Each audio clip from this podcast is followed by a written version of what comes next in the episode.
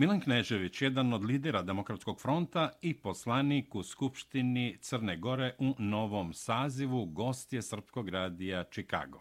Milane, dobro večer, pomaže Bog i dobrodošlica na talase Srpskog radija Čikago.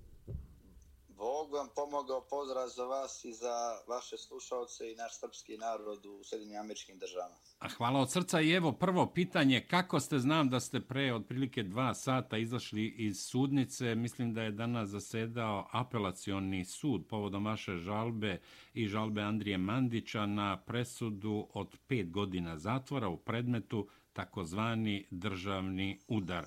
Vi ste prema medijima koji su nam dostupni poručili da u slučaju potvrđivanja osuđujuće presude nećete dobrovoljno ići u zatvor. Prvo, kako ste?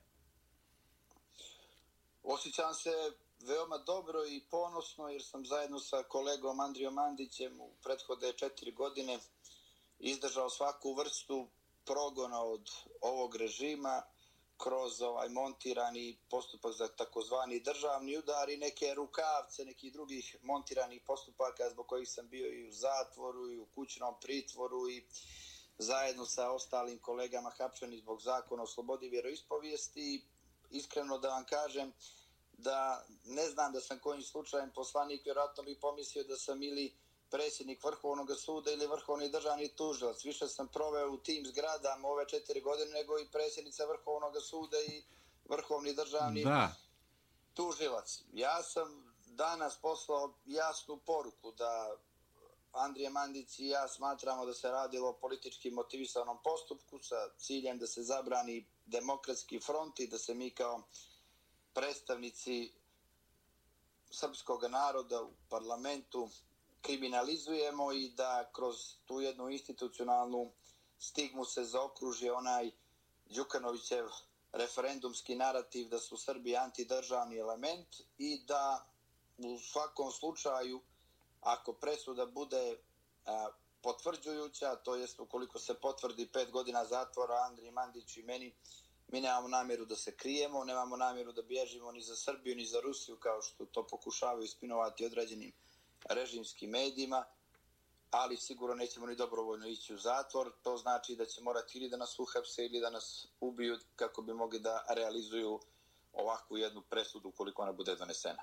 Da, Milane, molim vas da, da kratko pojasnite. Dakle, radi se o lažnoj optužbi iz 2016. godine za navodni državni udar, a svedoci saradnici bili su kriminalci i ubice. Dakle, Aleksandar ili kako se već zove Saša. Tako je, radi se o, radi se o jednoj montiranoj i monstruoznoj optužnici e, crnogorskog tužilaštva i crnogorskog višeg suda po nalogu e, Mila Đukanovića i tadašnjeg režima u kojom smo Andrije Mandić i ja optuženi, a kasnije prvostepeno presuđeni da smo zajedno sa agentima GRUA, agentima CIA, FBI-a, Mossada i MI6-a planirali rušenje ustavnog poredka na dan parlamentarnih izbora 16. oktobra, sve sa ciljem da zaustavimo učanjenje Crne Gore u NATO.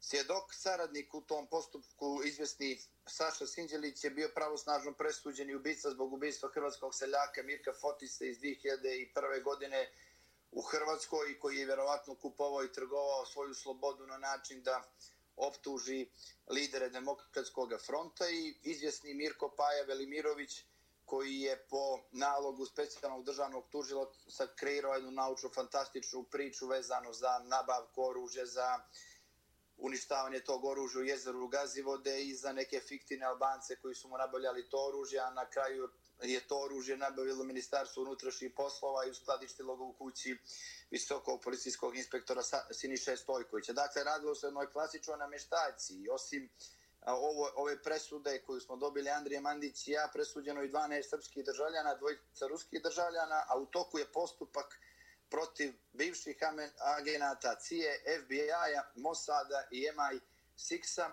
jer se radilo o globalnoj uh, zavjeri po stavovima i poptužnici specijalnog državnog tužioca i mislim da takva zavjera se nigdje nije desila u svijetu da udruženi rade i agenti GRU-a i agenti CIA, FBI-a, Mossada, MI6-a, srpski nacionalni element u Crnoj Gori i a, srpski element u Srbiji. Znači, jedan a, opšti lavirint besmislica, ali nažalost lavirint u kojem se mi nalazimo već četiri godine, ali smo, čini mi se, pokazali i u sudu i pred čitavom crnogorskom javnošću kakva je to bila farsa i e, naše i držanje i naši dokazi i naša odbrana su u značajnoj mjeri doprinili tome da mi 2020. godine 30. augusta pobjedimo i negdje sam i zahvalan i specijalnom državnom tužiocu i višem sudu na Golgotu kroz koju smo prošli jer su je građani prepoznali kao jedno istinsko opoziciono i mučeništvo, ali i borbu koja je urodila plodom. Da, Milane, ono što je značajno da se kaže da je Paja Velimirović nedavno povukao svoj iskaz i optužio specijalnog državnog tužioca Milivoja Katnića da ga je prisilio da da takav, iz, takav iskaz, odnosno da svedoči protiv vas. Isto je to uradio i Saša Sinđelić koji je isporučen Hrvatskoj i tamo se već nalazi na izdržavanju zatvorske ne samo, kazne. Ne samo što su promijenili svoje iskaze, nego su sa tim novim a, dokazima koji su prikupljeni u skladu sa zakonskom regulativom Republike Srbije a, doveli u krivično pravnu odgovornost one koji su montirali ovaj postupak protiv Andrije Mandića i mene i mislim da su se a, time stvorili uslovi za krivično pravno procesuiranje ljudi iz specijalnog državnog tužilaštva, ali i iz višeg suda koji su u značajnoj mjeri učestvovali u ovoj montaži. Naravno, taj Saša Stinđelić je čovjek koji ima ozbiljnu dijagnozu i istorijat mentalnih bolesti i kada smo mi tražili da se na sudu radi njegovo psihijatrijsko vještačenje, sud je to odbio tvrdeći da je on zdrav. Isto je tvrdio i Saša Sinđelić, ali kada su ga isporučili Hrvatskoj i kada je ponovo osuđen na 21 godinu zatvora, on je u toku tog prvostepenog postupka tvrdio da je psihički bolesnik i da bi sad trebalo da se radi njegovo psihijatrijsko vištačenje, što najbolje govori o tome o kakvom profilu ljudi se radilo, koji su svjedočili protiv nas, ali i o pritiscima koje je specijalno državno tužilaštvo sprovodilo nad njima, ne bili optužili Andriju Mandić i mene. Ja moram još jednom da ponovim da Andrije Mandić i ja i Andrin vozač Mihajlo Čađanović nikoga ne poznajemo iz te takozvane kriminalne grupe a, penzionera i a, ljudi narušenog zdravlja, mislim na srpske državljane koji su osuđeni u ovom postupku, kao što i ne znamo ni tu dvojicu imaginarnih Rusa, a još manje smo bili uh, u toku da se u toj optužnici mogu naći i američki državljani, nekadašnji agenti CIA i FBI-a, da ne spominjem sad i Mossad, i MI6, bukvalno da je ovdje samo falio albanski sigurim i da budu zaokružene sve službe bezbjednosti kako bi se zadovoljila fantazija specijalnog državnog tužioca. Ali ponavljam još jednom, mi smo pred celokupnom crnogorskom javnošću, što je nama najvažnije, ovaj montirani proces razbilju Parampača. Sutra imamo konferenciju za štabu po Andrije Mandić i ja gdje ćemo dostaviti još neke dokaze vezano za ovu gnusnu montažu. Potpuno spokojno čekamo presud apelacijonog suda. Ako apelacijono viće bude sudilo po pravu i po pravdi, presuda mora biti oslobađajuća. Ako donesu presudu koja bude išla u pravcu potvrđivanja ove, pre, ove kriminalne presude a, koju je donio viši sud, a kojom smo Andrije Mandić ja osuđeni po pet godina, mi se sigurno dobrovoljno nećemo predati a, a, nadležnim organima, već oni morati da primijene silu kako bi mogli da realizuju ovakvu presudu. Gospodine Kneževiću, evo samo na sve ovo što ste rekli da dodam da je novi ministar pravde u vladi Crne Gore, čini mi se da se zove Vladimir Leposavić, rekao ako Andrija Mandić i Milan Knežević budu osuđeni, odnosno ako im se potvrdi presuda, u Skupštini Crne Gore treba doneti zakon o njihovom pomilovanju. Ja sam pročitao tu izjavu gospodina Leposavića, ali je on prije uh, za okruživanja tog dila koji se odnosi na zakon o takozvanoj amnestiji saopštio da je ovaj postupak obilovao mnogobrojnim povredama, da je obilovao kontraverzama i da je toliko kontaminiran da bi on trebao da se vrati na ponovno odlučivanje. Ovo što je saopštio gospodin Leposavića tiče se zakona o amnestiji i njegov lični stav. Ja gospodina Leposavića uopšte i ne poznajem i smatram da nama nije potreba nikakav zakon amnestiji da bi se mi uh, zaštitili od jednog ovakvog uh, institucionalnog progona koji je bio karakterističan za prethodni režim. Nama je potrebno samo da sudije sude po pravu i pravdi. Ukoliko budu sudile po pravu i pravdi, ja nemam dilemu da će ta presuda biti, odnosno ta odluka biti oslobađajuća. Ukoliko budu pokušali da siluju ustav, da siluju zakonik o krivičnom postupku, krivični zakonik i sve ono što smo mi a, dostavili apelacijonom sudu u vidu dokaza koje ste, neke od njih ste i vi pomenuli, onda ćemo se mi jasno određivati prema tome. Ali sam vidio da su gospodina Lepostavica napali iz udruženja sudija, napali su ga pravnici, napale su ga političke partije i to upravo političke partije, pravnici i sudije koje su klimoglavile Đukanoviću prethodni 30 godina i donosile su odluke putem SMS-ova koje je on slao preko određenih e, messengera a koji su, e, koji su trebali da budu posrednici u određenim procesima. Tako da kad su se oni miješali određene postupke, a i u postupak za državni udar, kada je i Đukanović govorio o državnom udaru, kada je govorio Duško Marković i kada su saopštavali da ćemo biti osuđeni, da će nam biti prije toga potvrđene a, optužnice, onda je sve bilo u skladu sa a, demokratskim pravilima i u skladu sa ustavom i a, zakonima koji bi trebalo da a, razdvoje sudsku od izvršne vlasti. Tako da ponavljam još jednom, cini mišljenje gospodina Leposavića, ali ono nešto za mene i za Andriju Mandića nije obavezujuće, niti mi smatramo, niti očekujemo da se donosi bilo kakav zakon o amnesti, jer mi smo potpuno nevini ljudi i želimo samo da ovaj apelacijoni sud najzad prekine ovu farsu na način što će ciniti ono što smo dostavili kao dokaze.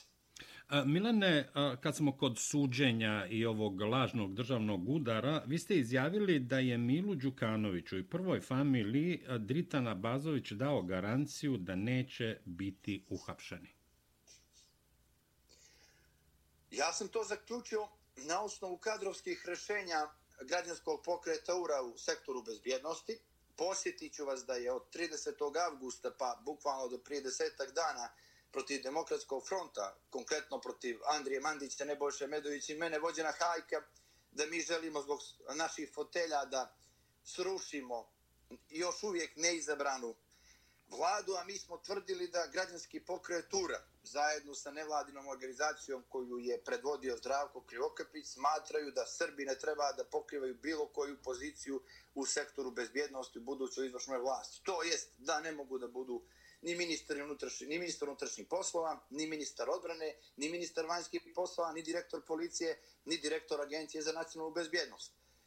I kada su mi dovedeni presvršen čin i kada smo podržali vladu Zdravka Kriokepića u kojoj se potvrdilo da nema Srba u bezbjednostnom sektoru, onda su krenule takozvane a, promjene, pod znacima navoda svakako, u bezbjednostnom sektoru, tako što je gospodin Drita Nabazović zajedno sa ministrom unutrašnjih poslova koji je također u URI, otpočeo seriju kafenisanja sa a, direktorom policije, sa specijalnim državnim tužiocem, sa vrhovnim državnim tužiocem, sa direktorom AMB i svim onim ljudima koji su prepoznati kao udarne pesnice Đukanovićevog režima i koje su učestvovali u brutalnom programu hiljade i hiljade vjernika Srpske pravoslavne crkve tokom 2019. godine naših mirnih litija. Mi smatramo da se uh, ovaj e, sistem Mila Đukanovića ne može demontirati ni po dubini, ni u e, pozicionom smislu ukoliko se budemo rukovodili njegovim dosadašnjim zakonima. To znači da mi treba podhitno da donesemo izmjene i dopune zakona o unutrašnjim poslovima, zakona o državnom tužilaštvu, zakona o da treba da izaberemo sudski savjet, zakon o nacionalnoj bezbjednosti kako bismo odmah sminili sve kadrove Mila Đukanovića. A koliko vidimo, gospodin Drita Nabazo i zajedno sa ministrom unutrašnjih poslova je spreman da moli direktora policije izvjesnog Veselina Veljovića da ode sa svoje funkcije, a na njegovo mjesto će postaviti njegove dosadašnje pomoćnike, što je uslovio i sam gospodin Veljović za odlazak sa funkcije direktora policije. Tako da se mi nalazimo u jednom potpuno absurdnom stanju da oni koji su progonili uh, građane tokom 2019. godine, koji su bili bukvalno i tajna i javna podrška Milu Đukanoviću u svim ovim izbornim procesima prije 2020. godine, ne da će ostati na funkcijama, nego će očigledno javan zvati. Kao što i u vladi imamo ljude koji su 30. augusta glasali Demokratsku partiju socijalista, a sada su ministri. I kada je na to upozoravao Demokratski front, onda smo mi bili optuživani da želimo da srušimo Zdravka Krivokapića i Drita Nabazović i da smo od Mila Đukanovića uzeli 100 miliona evra. Ali evo sada kada se izabrala ova vlada i kada se vidi da nema Srba u bezbjednostnom sektoru i kada vidimo da neće doći do promjene spoljne politike posebno u odnosu prema Srbiji i posebno u odnosu prema takozvanom priznanju Kosova i poništenju odluke za proterivanje ambasadora Republike Srbije, onda je jasno da a, se pokušava stvoriti jedna a, sadržajno institucionalna priča u kojoj će biti sve isto, jedino Đukanović neće biti na mjestu premijera, ali će a, duh a, njegovih a, a, ranijih odluka potpuno biti potvrđen u ovoj novoj vladi. Da, sve je isto, ali njega i dalje ima. A vi ste saopštili, vi ste saopštili Milane da vlada Crne Gore nije ekspertska. Zašto? I koje su vaše zamerke predsjedniku vlade Zdravku Krivokapiću i da li mu, kako neki kažu, treba ostaviti ovih 200 dana da a, završi pod navodnicima posao koji je započeo? Ja sam saopštio da vlada nije ekspertska iz prostog razloga zato što tu vladu sačinjavaju kadrovi političkog pokreta URA, koji je osvojio tri mandata na ovim izborima, posjetiću većinu u Crnogorskom parlamentu, čini 41 poslanik i nevladine organizacije Zdravka Krivokapića, ne damo Crnu Goru, i dijelova Demokratske partije socijalista. To ću jasno podkripiti činjenicama, to je da se u novoj vladi nalaze kao ministri izvjesni Radulović, ministar vanjskih poslova, koji je bio treći sekretar u Ministarstvu vanjskih poslova, jedan od kadrova Milana Roćena i koji je 30. augusta glasao Demokratsku partiju socijalista. Izvinjavam se, njega ste nazvali slučajni ministar. On je, naravno, on je slučajni ministar, obzirom da se radi o čovjeku koji nije bio ni na jednoj opozicijonoj listi, niti opozicijono prepoznat i radi se o čovjeku koji je kadar bivšeg režima i čovjeku koji je glasao demokratsku partiju socijalista, ja sam to javno saopštio.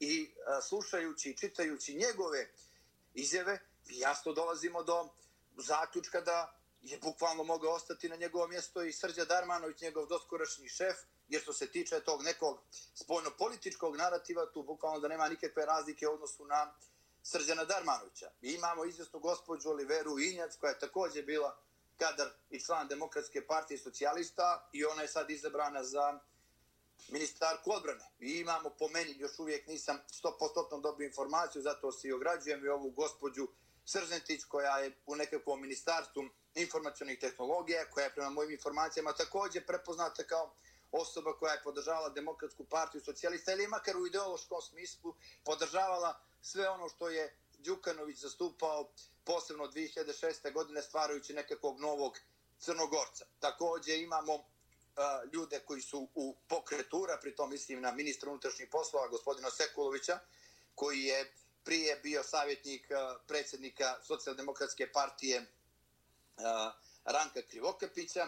Imamo čast izuzetcima, ponavljam, jedan broj, jedna, jedno, jednog ili dva ministra koji možemo reći da u tom a, opozicionom ideološkom smislu nemaju nikakvu, a, nemam nikakvu zamjerku prema njima, ali suštinski posmatrano ovo je vlada koja nije nastala na osnovu izborne volje građana Crne Gore i to treba da priznamo. Kao i što priznajemo da smo tu vladu glasali i uvijek se postavlja retorsko pitanje a zašto ste glasali tu vladu? Zato što smo se suočili sa mogućnošću da a, onda ako ne budemo glasali tu vladu se a, stvori atmosfera a, povratka demokratske partije socijalista ili da se stvori atmosfera da smo mi ljudi koji su uzeli novac od Mila Đukanovića i žele da sruše demokratske tekovine koje su stvorene 30. augusta. Međutim, sad kad vidite da se u vladi nalaze ljudi koji su upravo glasili Mila Đukanovića 30. augusta, onda se zbilja Crna Gora može nazvati zemljom čuda gdje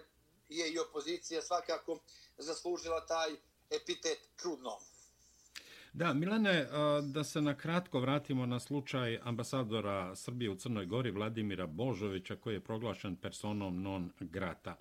A po vama zašto je proteran Vladimir Božović i kako tumačite izjavu ovog pod navodnicima slučajnog ministra Đorđa Radulovića da neće povući tu odluku o proglašenju nepoželjnim Vladimira Božovića bez obzira što su iz Evropske unije i sa raznih strana došla upozorenja da bi tu odluku trebalo stornirati posebno što je Ministarstvo spoljnih poslova Crne Gore primenilo, odnosno pozvalo se na pogrešan član Bečke konvencije? Upravo e, posmatram odluku Đorđa Radlovića kao kontinuitet spoljne politike Srđe Darmanovića i Duška Markovića i Milo Đukanovića prema Republike Srbije. Posjetit ću, ambasador Božović je protiran zbog toga što je veličao Mojkovačku bitku kao jedan od svijetlih primjera koja je krunisana ujedinjenjem u državu Srba, Hrvata i Slovenaca 1. decembra 1918. godine i bukvalno je saopštio ono što je većinsko mišljenje crnogorskih građana. Odnosno, saopštio je ono što je pisalo u istorijskim učbenicima do skora, dok te učbenike nisu preuzeli ovi a, režimski fanatici koji sad pokušavaju 1918. da predstave kao godinu okupacije, 1916. kada smo a, bili okupirani od Austro-Ugrske kao period humanizma i renesanse. Dakle, radi se o političkoj odluci, donesenoj za vrijeme tehničkog mandata vlade i odluci koju ministar Đorđe Radulović može da poništi sa jednim potezom. Znači, nije potrebno a, da se sprovodi nikakva nova procedura vezano za dodjelu agremana, niti da Srbija određuje novog ambasadora kao što to Đorđe Radulović uči ministri inostranih poslova Republike Srbije, samo je potrebno da Đorđe Radulović poništi tu odluku i na taj način, kao što piše u Ustavu, da vlada vodi spojnu politiku, to jest premijer se stvore prepostavke da se Vladimir Božović vrati u Crnu Goru, jer Srbija nije opozvala Vladimira Božovića, Srbija ga nije pozvala na konsultacije, Crna Gora je, koristeći pogrešan član Bečke konvencije, donijela jednu političku odluku i Đorđe Radlović tu odluku može da poništi. Međutim, Đorđe Radlović ne želi da poništi tu odluku i to je još jedan od dokaza da u tom narativnom smislu i ideološkom postoje strukture u novoj vladi koje ne odgovaraju onome šta su glasali građani Crne Gore 30. augusta. Gospodine Kneževiću, e, ministar spoljnih poslova Rusije Sergej Lavrov juče je boravio u Sarajevu, danas je u Beogradu, izbegao je posetu Crnoj Gori. Da li je to neka poruka novoj vladi Crne Gore ili slučajno s tim u vezi i vest da je Rusija produžila sankcije za određen broj zemalja koji je uveo sankcije prema Rusiji u tu u taj broj, odnosno među tim zemljama je i Crna Gora. Dakle, Rusija i Crnoj Gori produžila sankcije.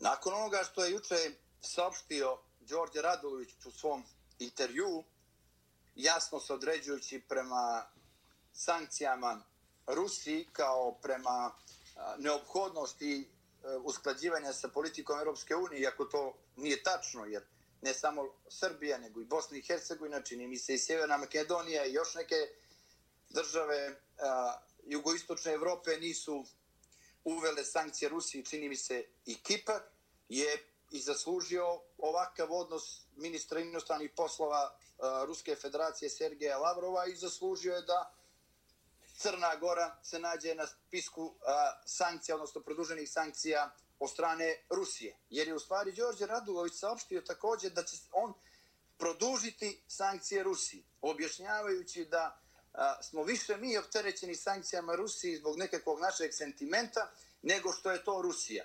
Na taj način podcjenjujući i ponižavajući jednu veoma moćnu svetsku državu, državu sa koju, za koju nas vežu istorijske, duhovne, ali boga mi i ekonomske veze i misleći da će oni moći sa Rusijom da sarađuju na način što će oni produžavati sankcije i što će uh, promovisati neku antirusku politiku, ali će zato istovremeno pozivati ruske investitore da u Crnu Goru ulažu milijarde i milijarde evra. Dakle, nedolazak Sergeja Lavrova u Crnu Goru i produžetak sankcija Rusije od Rusije e, Crnoj Gori najbolje govori o tome kakvi su dometi naše vlade, evo nije prošlo ni 15 dana, uključujući i one a, ono zaduživanje protivustavno i protivzakonito u, od 750 miliona evra putem obveznica bez konsultacije parlamenta i bez neophodnog rebalansa budžeta.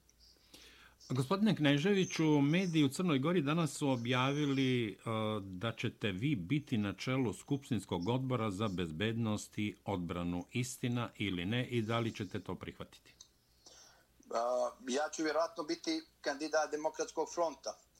Da li ću biti izabran za predsjednika odbora za bezbjednost zavisi od kolega iz parlamentarne većine, jer je postupak glasanja takozvani komplet, to jest glasa i za predsjednika odbora i za sve članove odbora i ja u ovom trenutku ne mogu sa sigurnošću potvrditi da ću biti predsjednik odbora za bezbjednost. Međutim, ukoliko budem izabran na tu funkciju, učinit ću sve da kroz ono što mi omogućava zakonska regulativa, taj odbor za bezbjednost postavim na čvrste temelje jednog institucionalnog djelovanja u kojem neće biti nedodirljivih i u kojem će uloga parlamenta i samog odbora za bezbjednost biti podignuta na onaj nivo koji se garantuje ustavom i zakonom.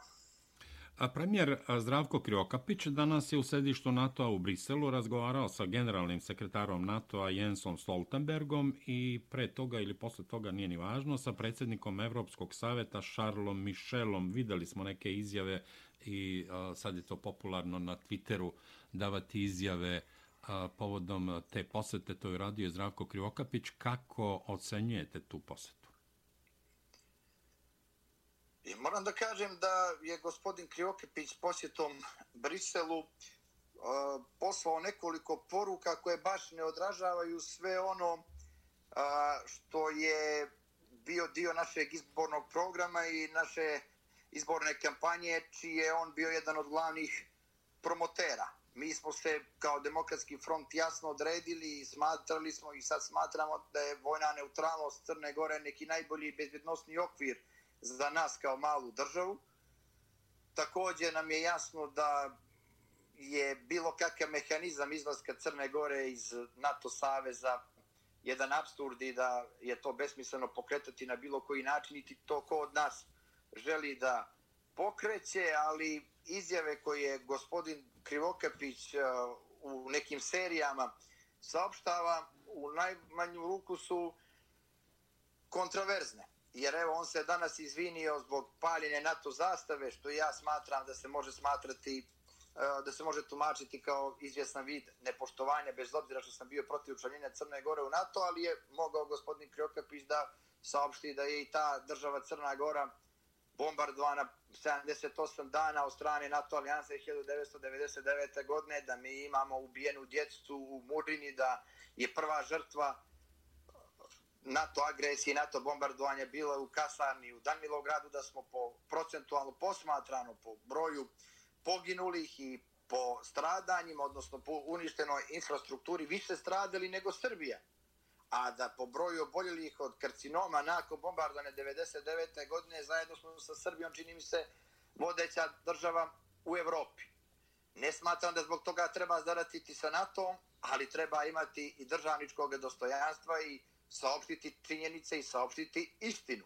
A istina je takva da je nas NATO bombardovao 1999. godine, da je to jedan a, fakat, jedna bolna epizoda iz naše istorije koju mi htjeli ne htjeli ne možemo ni zaboraviti, niti možemo se praviti kao da se nije dogodila. I vjerujem da bi nas u NATO više cijenili ukoliko bismo argumentovano i na jednim diplomatskim osnovama razgovarali o toj temi, nego na način da pokušavamo da izbrišemo i sjećanja sve ono što se dešavalo 1999. godine. Što se tiče Brisela, mislim da je jasno da se Evropska unija nalazi u ozbiljnoj krizi. Bez obzira što smo mi posvećeni tom procesu proširenja, nas čeka čekaju velike obaveze i veliki izazovi i mislim da Evropska unija u ovom trenutku ima mnogo važnijih obaveza nego što je proširenjem proširenje tog saveza i čini mi se, makar je to neko moje razmišljanje, to sam i javno saopštio, da je možda gospodin Kriokapić prvo trebalo da posjeti Beograd, a tek onda Brisel, jer u narednom periodu imajući u vidu taj neki ekonomski rast koji je u Srbiji očigledan i koji e, je za svaku pohvalu, mi nećemo imati ekonomskog partnera na kojeg se možemo osloniti osim Srbije. Posebno sad kada nam je Rusija a, produžila sankcije. Znači, nalazimo se u čini mi se, jednoj dosta nezavidnoj situaciji u ekonomskom smislu koju ne možemo nikako nadomještavati sa novim zaduživanjima. A čini mi se da, je, da će to biti pokušaj i stvaranje nekog standarda u radu ove vlade. Milane, evo pri kraju smo našeg današnjeg razgovora. Pitanje za kraj, da li su birači Demokratskog fronta, odnosno koalicije za budućnost Crne Gore, prevareni? Ako jesu, ko je učestvovao u toj prevari i šta očekujete posle 200 dana nove vlade Crne Gore? Da li će ikada Milo Đukanović i njegovi saradnici biti procesuirani? Ovo je možda jedno potpitanje ili drugo pitanje. Ono što je sasvim sigurno da birači Demokratskog fronta nisu glasali 30. augusta da bi se u toj vladi naši ljudi koji su 30. augusta glasali Demokratsku partiju socijalista i koji su bili sastavni dijelovi režima svih ovih godina. Takođe nisu glasali za jednu ideološko-nacionalnu gimnastiku ili bolje reći vratolomije čelnih ljudi vlade koji zbunjuju potpunosti naše glasače takođe nisu glasali za nastavljanje ekonomske politike koja je bila prepoznatljiva od strane sad već bivšeg režima, ali smatram da gospodinu Kriokepiću, bez obzira na sve ovo, treba dati šansu da u narednih šest mjeseci ili 200 dana vidimo kakvi su dometi te vlade i da onda sjednemo da razgovaramo. Ne da rušimo vladu, ne da izazivamo prijevremene izbore, ali svakako ako smo mi glasali tu vladu, mi smo jednim dijelom preuzeli odgovornost. Ali ako neko misli da mi ne smijemo da kritikujemo vladu i da ne ukazujemo na sve ono što je loše, onda je u ozbiljnom problemu i sigurno pocijenjuje i demokratski front i ljude koji nam daju podršku. Da, Milane, e, evo ovo pitanje, da li će Milo Đukanović i njegovi saradnici ikada biti procesuirani zbog svega onoga što su učinili Crnoj Gori, da li je to moguće odmah ili, ili će to biti neki proces? To zavisi od seta a, zakona koji e, tretiraju oblast pravosuđa. Naravno, zavisi od jačanja uloge parlamenta, to jest kroz određene interpelacije i e, parlamentarne istrage koje bi trebalo da omoguće i da i e, policija i da tužilaštvo i svi organi koji bi trebalo da se bave procesuiranjem krivičnih dijela rade svoj posao. Ali to znači da mi moramo demontirati čitav taj pravosudno policijski sistem koji je do sad upravljao Crnom Gorom. Da li ćemo uspjeti to sad više ne zavisi od demokratskog fronta, jer mi nismo dio izvršne vlasti, ali ćemo na svaki način ukazivati, davati predloge, davati rešenja kako to treba uraditi ukoliko postoji iskrena volja. Znači ovdje niko ne želi da se Đukanović odvede u zatvor po kratkom postupku, niti bilo ko želi da Đukanović hipotetički bude osuđen. Ali smatramo, i to smo rekli premijeru Krivokepiću da ako postoje dokazi za Đukanovića, njegovu familiju, za njegove najbliže saradnike o umješanosti u teška krivična dijela, da nema nedodirljivih. Isto kao što smatramo da to treba da bude i slučaj sa opozicijom. To jest da pravda bude jednaka za sve. Da li će doći do toga u ovom trenutku mi se čini vrlo neizvjesnim, ali u svakom slučaju demokratski front neće odustati od insistiranja na na pravdi. A na kraju, gospodine Kneževiću, a ne naravno manje važno, nismo pomenuli taj uh, užasavajući zakon o slobodi uh, vjeroispovijesti. Šta se dešava sa tim? Koliko sam ja upoznat, ministar uh, pravde je najavio da će vrlo brzo uh, ka Skupštini uputiti izmene i dopune zakona o slobodi vjeroispovijesti i da će se e, na a, zakon iz 2019. godine zbog kog smo protestovali čitavu 2020. godinu amandmanski djelovati na način da se zaštiti imovina Srpske pravoslavne crkve i da se omogući a, njeno djelovanje po e, kanonima i na osnovu njene osmovjekovne tradicije u Crnoj Gori. Posjetit ću da smo se mi zalagali za povlačenje zakona o slobodi vjeroispovijesti, međutim u ovom trenutku čini mi se da poslanici URE nisu baš e, voljni da glasaju povlačenje, odnosno stavljanje snage zakona o slobodi vjeroispovijesti i koliko vidim u režimskim medijima vodi se žestoka kampanja da upravo ovi poslanici budu protiv ovih izmjena i dopuna pomenutog zakona o kojima je govorio sam ministar Leposavić. Tako da ja u ovom trenutku mogu samo reći da će poslanici Demokratskog fronta ostati vjerni onome što su zastupali 2019. godine kada je uhapšen čitav naš poslanički klub, ali ostaćemo i vjerni onome što smo obećali građanima 30. avgusta. Oni koji su pravili dogovor sa Dritanom Abazovićem, vezano za formiranje vlade i garantovali nam da, a mislim na Zdravka Kriokapića, garantovali nam da će doći do izmjena ovog zakona, ranije i do njegovog povlačenja, preuzimaju odgovornost da sprovedu izmeni i dopune zakona o slobodi veroispovesti u skladu sa onim što su narodne želje i što je e, kroz djelovanje i naše blaženo počivšeg mitropolita Amfilohija i patrijarha Irineja bilo utvrđeno kao stav Srpske pravoslavne crkve. Milana, evo i posljednje pitanje. Popis 2021. godine, da li će biti održan i šta očekujete? Meni se čini da će popis biti odložen 2021. godine pod izgovorom pandemije, a u stvari e, zbog agresije određenih e, nacionalističkih struktura iz bivšeg režima koji je vrše veliki pritisak da se, da se popis ne održi kako ne bi broj Srba porastao u Crnoj Gori, kako srpski jezik ne bi bio većinski i kako se ne bi na pravi institucionalni način predstavilo narodno raspoloženje u vjerskom, nacionalnom i lingvističkom smislu. Da li će biti popisa, to ćemo moći da vidimo kada vlade Zraka Krokapića bude dala predlog budžeta za ovu godinu, odnosno za sljedeću godinu, i ukoliko bude budžetska stavka predviđena, mora postojati budžetska stavka za popis, jer je to naša zakonska obaveza u 2021. godini. Ukoliko je ne bude, onda nas čeka veoma ozbiljna kriza, jer je popis naša zakonska obaveza. Mi smatramo da svi građani treba da se na popisu izjasne u, u mirnoj atmosferi, bez ikakvih represija, kao što je to bilo 2011. i 2003. godine, ali je očigledno da se neko plaši da će procena Srba na popisu 2021. godine biti približan broju on građana koji su se izjasnili kao crnogorci, da će srpski jezik sigurno prebaciti preko 55%, a da će broj vjernika koji se, broj građana koji se izjašnjavaju kao vjernici Srpske pravoslavne crkve biti znači u pravoslavnom življu preko 95%.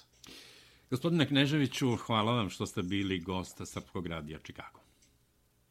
Hvala i vama na pozivu, pozdrav za vas i za vaše slušalce. Hvala i posebno pozdravite majku uvek, kad, i kad se Hvala ne čujemo nju, uvek pozdravite. Poštovani slušalci, gost Srpskog radija, da, gost Srpskog radija Čikago, hvala. Bio je Milan Knežević, jedan od lidera Demokratskog fronta i poslanik u Skupštini Crne Gore.